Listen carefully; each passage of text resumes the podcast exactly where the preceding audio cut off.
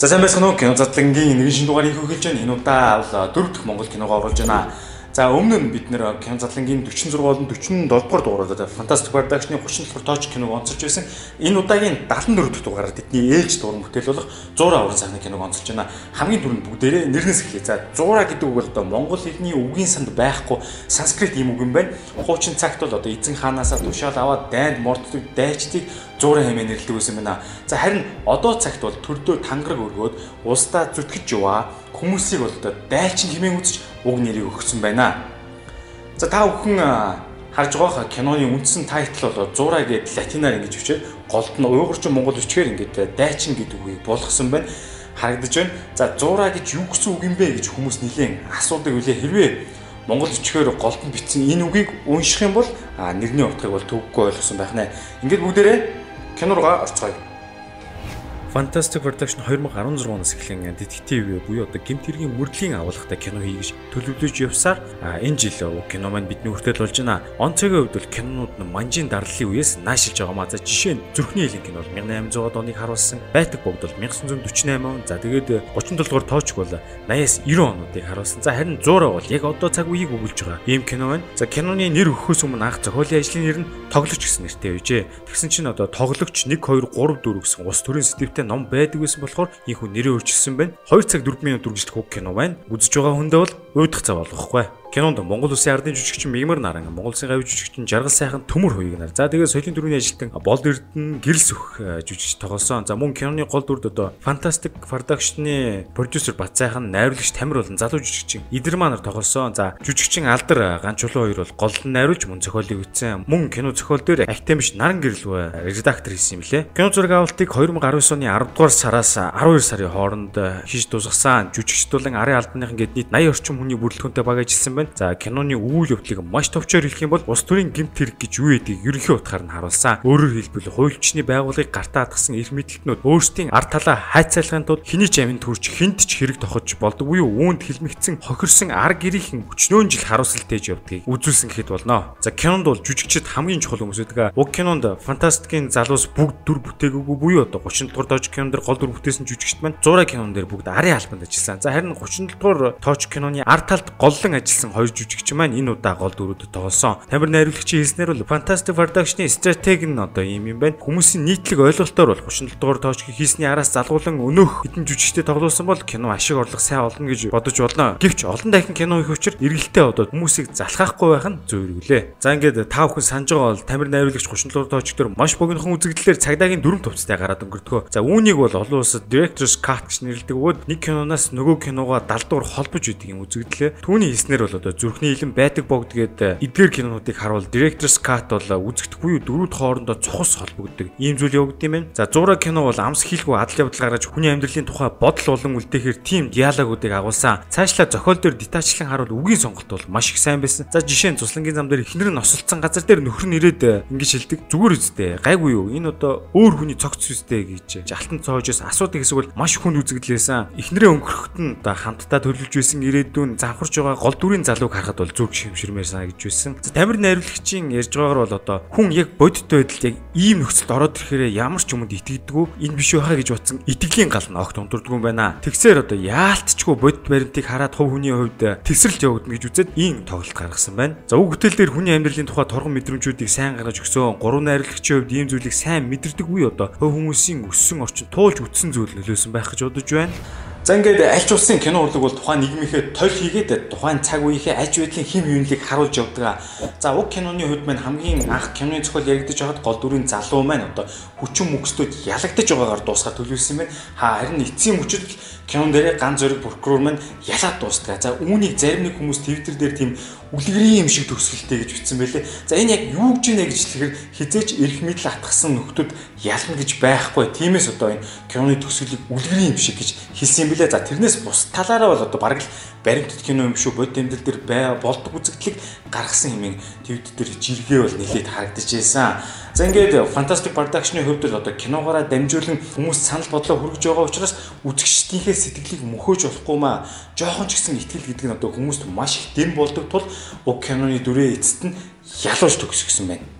Киноны эвлүүлэг дээр ерөнхий зураглаач Гүнбаатар болон найруулагч Алдар нар ажилласан. За кино эхлээл шууд гол үйл явдлаа харуулад тэндээс аргашаа юу болсон дэлгэрүүлж хөөж хөдөлсөөр эцсийн дүндээ учран тайлагдах арга барилаар эвлүүлэх хийгцэн. За Гүнбаатар зураглаачийн хэлснээр бол зураг авалтаа экшн сонирхолтой байх талд нэлээд анхааран зөөлөн гэрэл тавилтуудыг гаргасан аж. Дүрснээс та бүхэн харж байна. Black Magic Ursa загварын камерыг ашиглан зураг авалтаа хийж байна. Мөн өнгө тавилтыг мэрэгжлийн төвшөнд хийсэн. Сонирхолтой эвлүүлэг хийж байгаа програмын timeline буюу одоо дүрс үрж байгаа энэ талбар дээрх төсөлтүүд нийтдээ 2690 гэж тоологдсон юм байна. За үргэлжлүүлэн киноны өнгө тавилт хийж байгааг харж байна. Гүйн студийн анх тамирын хэлснээр бол өнгө гэдэг бол киноныхаа character-ыг тодорхойлж өгдөг маш чухал элемент юм байна. За тэрээр одоо яг зориултын өнгө тавилтын төхөөрөмжүүдийг бүгдийг нь ашиглан энэ хүн өнгүүдийг гаргаж иржээ. За ингээд кинон дээр тагнуулын газрын дарга сэтгүүлч саран чимгийн байршлыг тогтоо юм тушаал болоход маш хурдан хаана юу жааг нь олоод төр хөдөлгөөн тусгай ажилтан тэр байршилд нь хизээний бэлэн зогсож байсан. За энэ бол арай дэндүү хурдан болоод өнгөрч үгүй сансан. Киноны ерөнхий жанр болон эвлүүлгийн темпэнд оруулан ингэж гаргасан баха. За мөн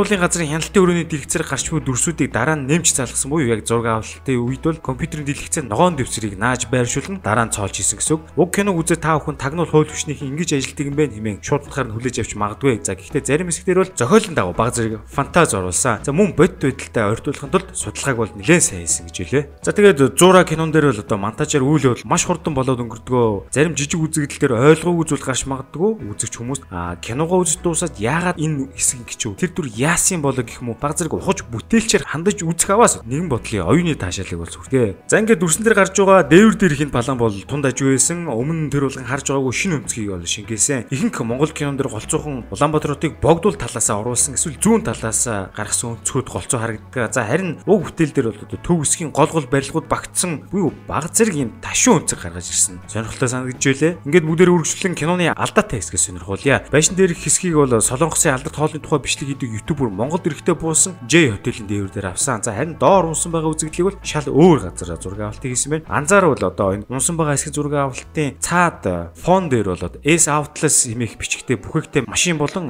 барилгын хэсэг харагдаж байна. За тэгэхээр Sunroad гэмээн офисын барилгын арын зогсоолын талбай гэсэн үг. За газар зүйн хувьд бол энэ хоёр хоорондоо маш ойрхон буюу 580 м-ийн зайтай. Яагаад ингэж авсан бэ гэвэл бас шалтгаантай. Дээвэр дээр үзэгдлийг авсан газар бол машины зай зогсоол огт байгаагүй учраас өөр газар авах зайлшгүй шаардлагатай болсон. Иймээс ингэж хольж авсан байна. За зарим монгол киноны хувьд гэрээсээ гараад ажилтаа явлаа гэхэд хитрхи огцом шилж хийдгээ за жишээ гэвэл мөсийн булан дөнгөж эргэл гинтхэн 10 дугаар хороолж шүн болцсон явж идэг гих мэт одоо юм логик дарааллын баг зэрэг алдаа харагддаг. За тэдгэрийг бодвол энэ зураг кино маань огт мэдэгдэлгүйгээр энэ хүүзэглийг бол сайн гаргаж ирсэн. За өөр нэг юм бичлэг алдаа гэвэл тагнуулын газрын дарга өрөөнөөсөө гараад яаран гүүж явахдаа зангиага суллан бараг тайлах хэмжээний доошлуулж ирдгээ. Гэтэл дараагийн үзэгдэл буюу хянах хөрөнд орж ирэх агшинт одоо зангиа нь огт гар хүрээгүй мэт жимбитл зангидсан хэвээр харагддаг. За кино зохиол талаас авч үзэх юм бол амнаа там цаанд гүүж явахад юун тэр зангиа засах сөхөөгүй байлтай гэмээр байгаамаа. За гэхдээ зураг авалтыг хоёр тусдаа өөр газар хийсэн учраас энэ хүү жижигхэн алдаа бол одоо Холливуудын гэлтгөө ямар ч кинонд гардаг. За тэгээд кино задлангийн 66 дахь дугаар дээр одоо үүнийг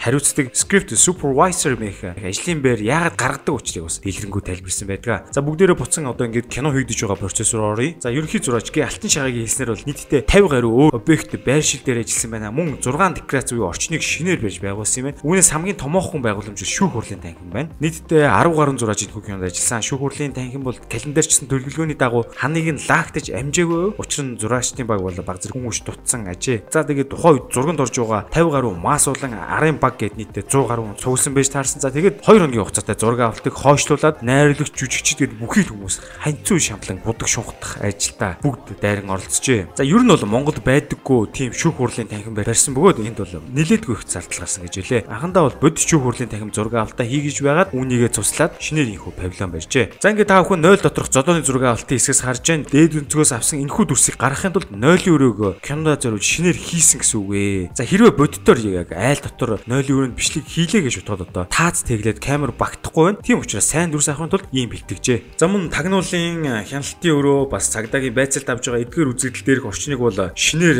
павильон гэсэн зураг авалтаа хийсэн. Энэ хэсгийн зөвхөн гэрэл тавилт хийхэд 7-8 цагийг зарцуулсан байна. Ердөө хэдхэн секунд дэлгэцэн дээр гараад өнгөрөх гинт дүрсэн дээр хүртэл анхааран маш олон дахин гэрэл тавил 40 удаагийн хан засан шинээр барьсан гэж байна лээ. За кинон дээр мөн мөрдөн байцаах ажиллагаа явагдаж байхад гол дүр буюу прокурор ган зөргийн багш нь орж ирээд гардаг энэ байцаалтын өрөөнд. За хууль дүрмээрээ бол дундуур нь ингэж орж иж болохгүй ч одоо зохиолын хувьд бол тухайн багшийн дүрийг ингэж гарган үзэгчдэд танилцуулан гол дүртэй ямар хамааралтай холбож өгөх оновчтой цаг байсан гэж харж байна. За ингээд та бүхэн улсын хурлын гишүүн Тунбаатарын дүр буюу жүжигчин бол эрдэнэ гарч байгаа хэсэг дээр ингээд гар утсан дуурдаг. За тэгтэл утасны рингтон буюу аян Оросын төрийн думын хонхны чимээ байдаг. За тэгээд утасны дэлгэцэн дээр нь хальт харах юм бол Монгол улсын төрийн талбай байдаг. За энэ бол маш богино гараад өнгөрч байгаас гэтэл цаанаа бол тухайн дүр нь бүх юмны эзэн болсон бүхнийг захирж байгаа мэт эрх ямтай нэгэн байгаа мэтэр агуулгыг одоо энэхүү утасны дуулан энэ төрийн талбайгаар ингээд илэрхийлж байгаамаа. Жүжигчин болд эрдэнэ хэлэхдээ бол түүний бүтээж өссөн төрүүдэд одоо улсын хурлын гишүүн төрийн түшээ болсон тохиолдол бараг байхгүй учраас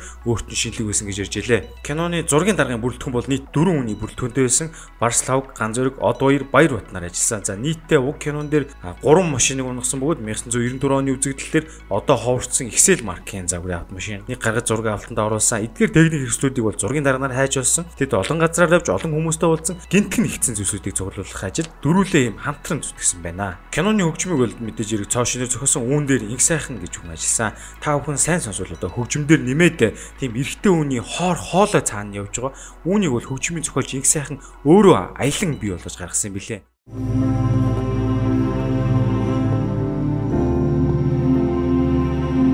Энэ аяжууд нь тухайн дүрсэн дээрээ наалдаад цогцоор нарахад эрэгтэй хүний тэр дотоод сэтгэлдээ уйлж байгаа тэрхүү харуулслыг тухайн дүрээр дамжуулан гаргаж ирэхэд маш томоохон түлхэц болсон гэлтэй.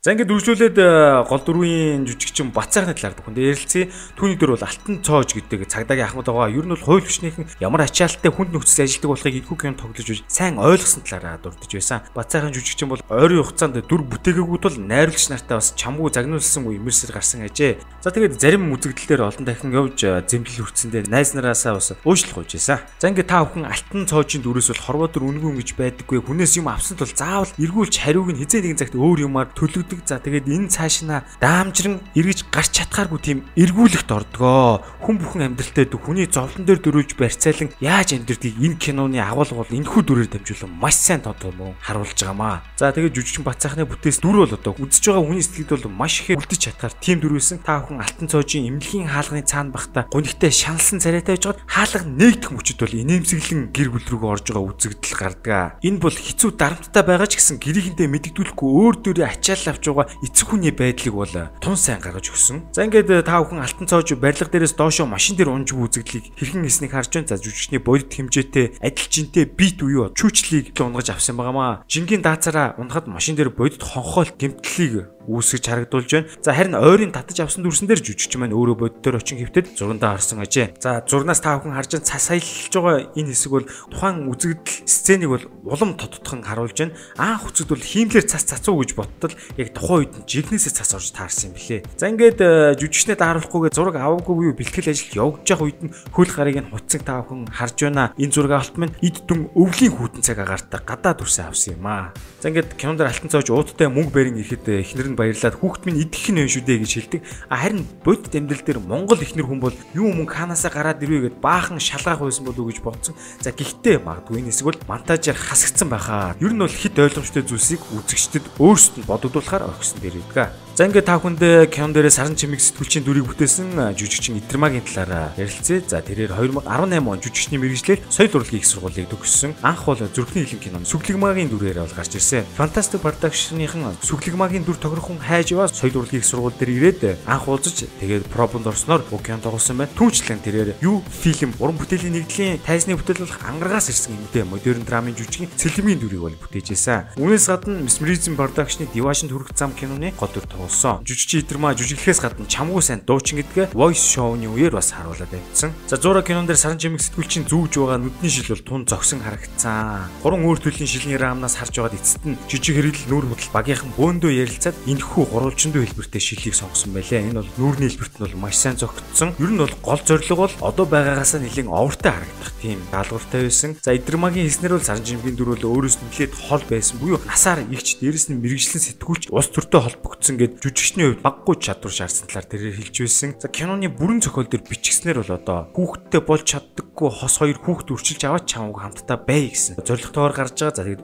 үүн дээр хүртэл нарийн чимхлэр тоглолтуудыг гаргах шаардлагатай болсон. За ингээд хүүхдтэй харилцан тоглох хэсгийг гаргахын тулд хамт зурганд ордог өдрийнхөө бүр өглөөнөөс нь авахуулаад тухайн хүүхдтэйгээ хамт дотн байхыг хичээж ажилласан билээ. Анхандаа тухайн хүүхд нь одоо жүжигчин идэрэм байгаас жоохон хичээ царайг нь харахаараа л нүрээ буруулаад байсан билээ. За тэгээд ийхүү өглөөнөөс хойш хойноос нь чаргууцалт нь жимс чихэр өксөөр байгаад эцсүүлдээ нэг юм дундаа орно нөгөө нь тасаад хамтдаа ийхүү амжилттайгаар дүрээ гаргасан байна. Түүний тоглосон дараагийн хүндхэн зураг авалт бол цуслангийн замд ирэх ост юм аа. Идрэмаа жүжигчин ер нь өвөл кино тоглож байгаагүй юм билээ. А 100 киноны зураг авалт бол идэр 9-ийн хүүтэнд болсон. За тэгээд үхдэг хэсэгдэр нь бол одоо амьсгаагаа төвчөж жүжиглэл гаргахгүй бол амьсгалахаар амнаас нь уур гараад өмшөлгүй харагдах учраас нэлийн хичээж тоглолтоо гаргасан юм билээ. Өвлийн цагт бас чүү чамгүй удаа хугацаар гадаа хөвцөн гэж дүрдэж байсан. Анзаарсан бол эдгээр өмсөж байгаа хувцсууд нь дан хавар наврын болтой өсгүйтэй гутлаасан. Гутал нь хүртэл хавар наврын байсан болохоор дотор нь зузаан өмсч ихэд өмсөй гэсэн ч багтахгүй тул нэгэн өмстэй өмсөн тоглолтоо гаргасан. За ингээд дүрснээс та бүхэн харж байна машин өнгөрдөг хэсэгт бол оролдон тоглогч оролцсон. Инхүү эхнэр нь бурхан болсны дараа киноны дүр ган зөрөг маань иргэн бодлогошрон цуслангийн байршаас гарч явдаг үзэгдэл хараг. Энэ хэсэг бол ихээхэн сэтгэл хөдлөм мөч байсан. Саран чимэг нөхрөө болгоомжтой яваарай гэж хэлдэг энэ үг нь бол зохиол дээр анхандаа байгаагүй ч гэсэн тухайн үед багаараа ярилцаад гаргаж ирсэн бөгөөд уг үзэгдлийн дүрийн хувьд бол тун онсон өгүүлбэр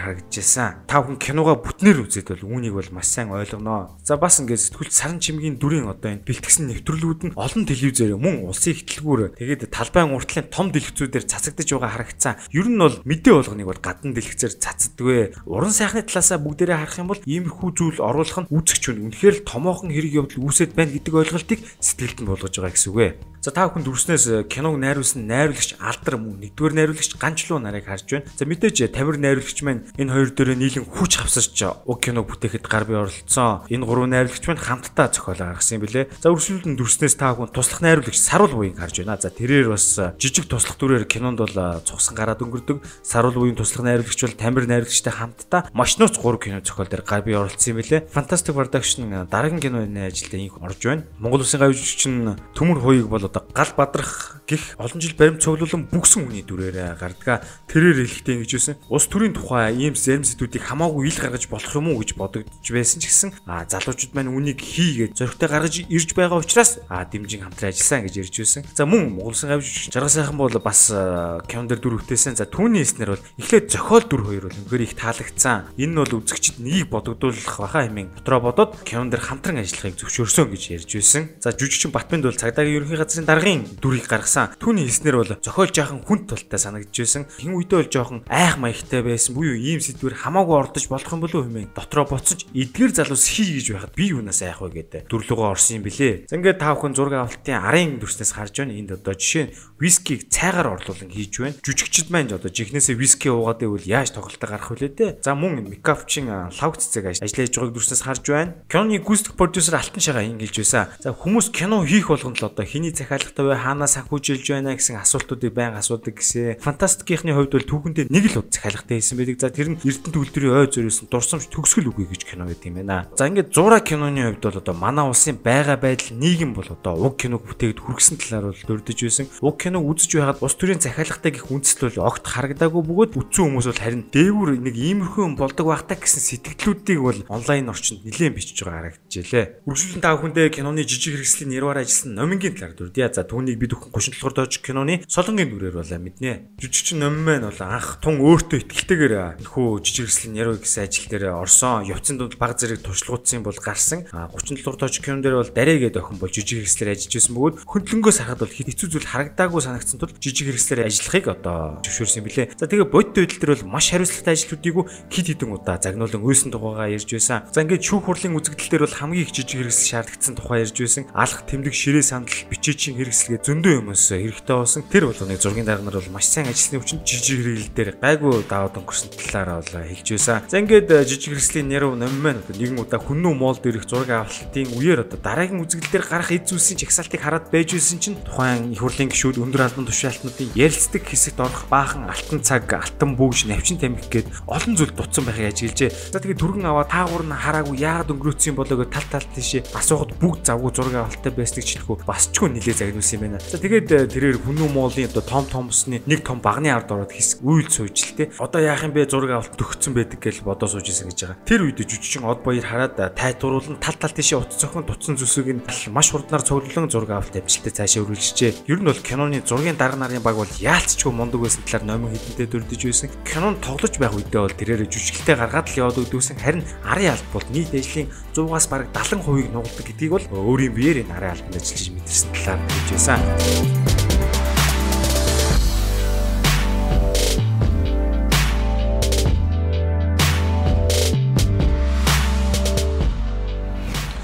За ингээд эсэд нь бүгдээрээ зураг киногоо эргээд нэг харахад бол цагдаагийн ахмадын үхэл за эсвэл нөгөө ус төрчийн үхэл юм шиг харагдаж байгаа хаа. Яг үнэндээ бол одоо бүх юмны үүсэл нь цагдаагийн ахмадын хүүхд өвцнөөс эхэлж байгаа. Яаж нэхэд хэрвээ хүүхд өвдөггүй байсан бол одоо алтан цоож мөнгөний эрэлт гарахгүй за эдгээр үзүүс хөврөхгүй байсан байх магадaltaй. За тэгээд цааш нь ухаад бодоод байх юм бол хүүхд яагаад өвдөв? Юунаас болов? Хүүхд эрүүл байх орчингүй байсан эсвэл эрүүл мэндийн тогтолцоо муу байв гэдэг зүйл олон зүйлс хөврөн гарч ирнэ. Үүнийг бодогдуулахын тулд найруулагч цохиолоо бичсэн талаар дурдж байсан. Киноны төгсгөлд гинтхэн төрийн өндөр албан тушаалтнууд буюу одоо байгаа хаад ноёчиг болсон албан тушаалтнуудыг буулгаж авах тулд хүчний байгууллагуудын дэд дарга нар нэг баг болон хамтарч босч ирдэг. Иймэрхүү сцен харагддаг. За үүнийг бол нэг утгаараа титэмгүй хаад гэж ярьдаг. Энэ ер нь бол дээр байгаа нөхдүүдийг доод хүмүүс нь л унагадаг гэж найруулагч минь санаандаа дурдж байсан. Бас нэг өөр нэг өнцгөөс хэлүүлээ харъя л да. Эдгээр дид дарга нар одоо болохгүй байгаа хүнийг унгаж холдуулсан баатар мэд харагдавч цааш дараагийн ноёрхлыг өөртөө өргөжлөх магадaltaй буюу зүгээр л альбан тушаас илүүцсэн байж бүтсэн ч биш болох маа. За энэ бүх бүтээл маань тагнуул цагдаа, прокурор, улс төрч, бизнесмен гээд маш олон нүрийг багтаасан. За мөн гин бүрээгүй хүнд хүчээр хэрэг тохих, эрүүд нь шүүх замаар хэргийг нь хүлээлгэх, шүүхээр шийтгдсэн хэргийг сөхөх гэх мэт маш олон зүйлсийг харуулдаг нь одоо бидний өдөр тутмын амьдралдаа сонь сэтгүүл сайтаар харж уншиж байгаатай агаар нэг юм блэ. За ингээд киноны хамгийн сүүлд ганцураг прокурор альбан хувцас өмсөд явж байхдаа хилдэг үгс бол киноны ерөнхий агуулга санаагаа базаад хэлчихэж байгаа маа. Хэрвээ та бүхэн энэхүү зураг киног үзэж ямжаагүй бол Sky Go болон Sky Media-гийн кино сангаас орж үзээрэй. Энэхүү кино задлангийн нэгэн дугаар энэ төрөйд өндөрлж байна. Дараагийн тураг хөтлөө түр баяртай.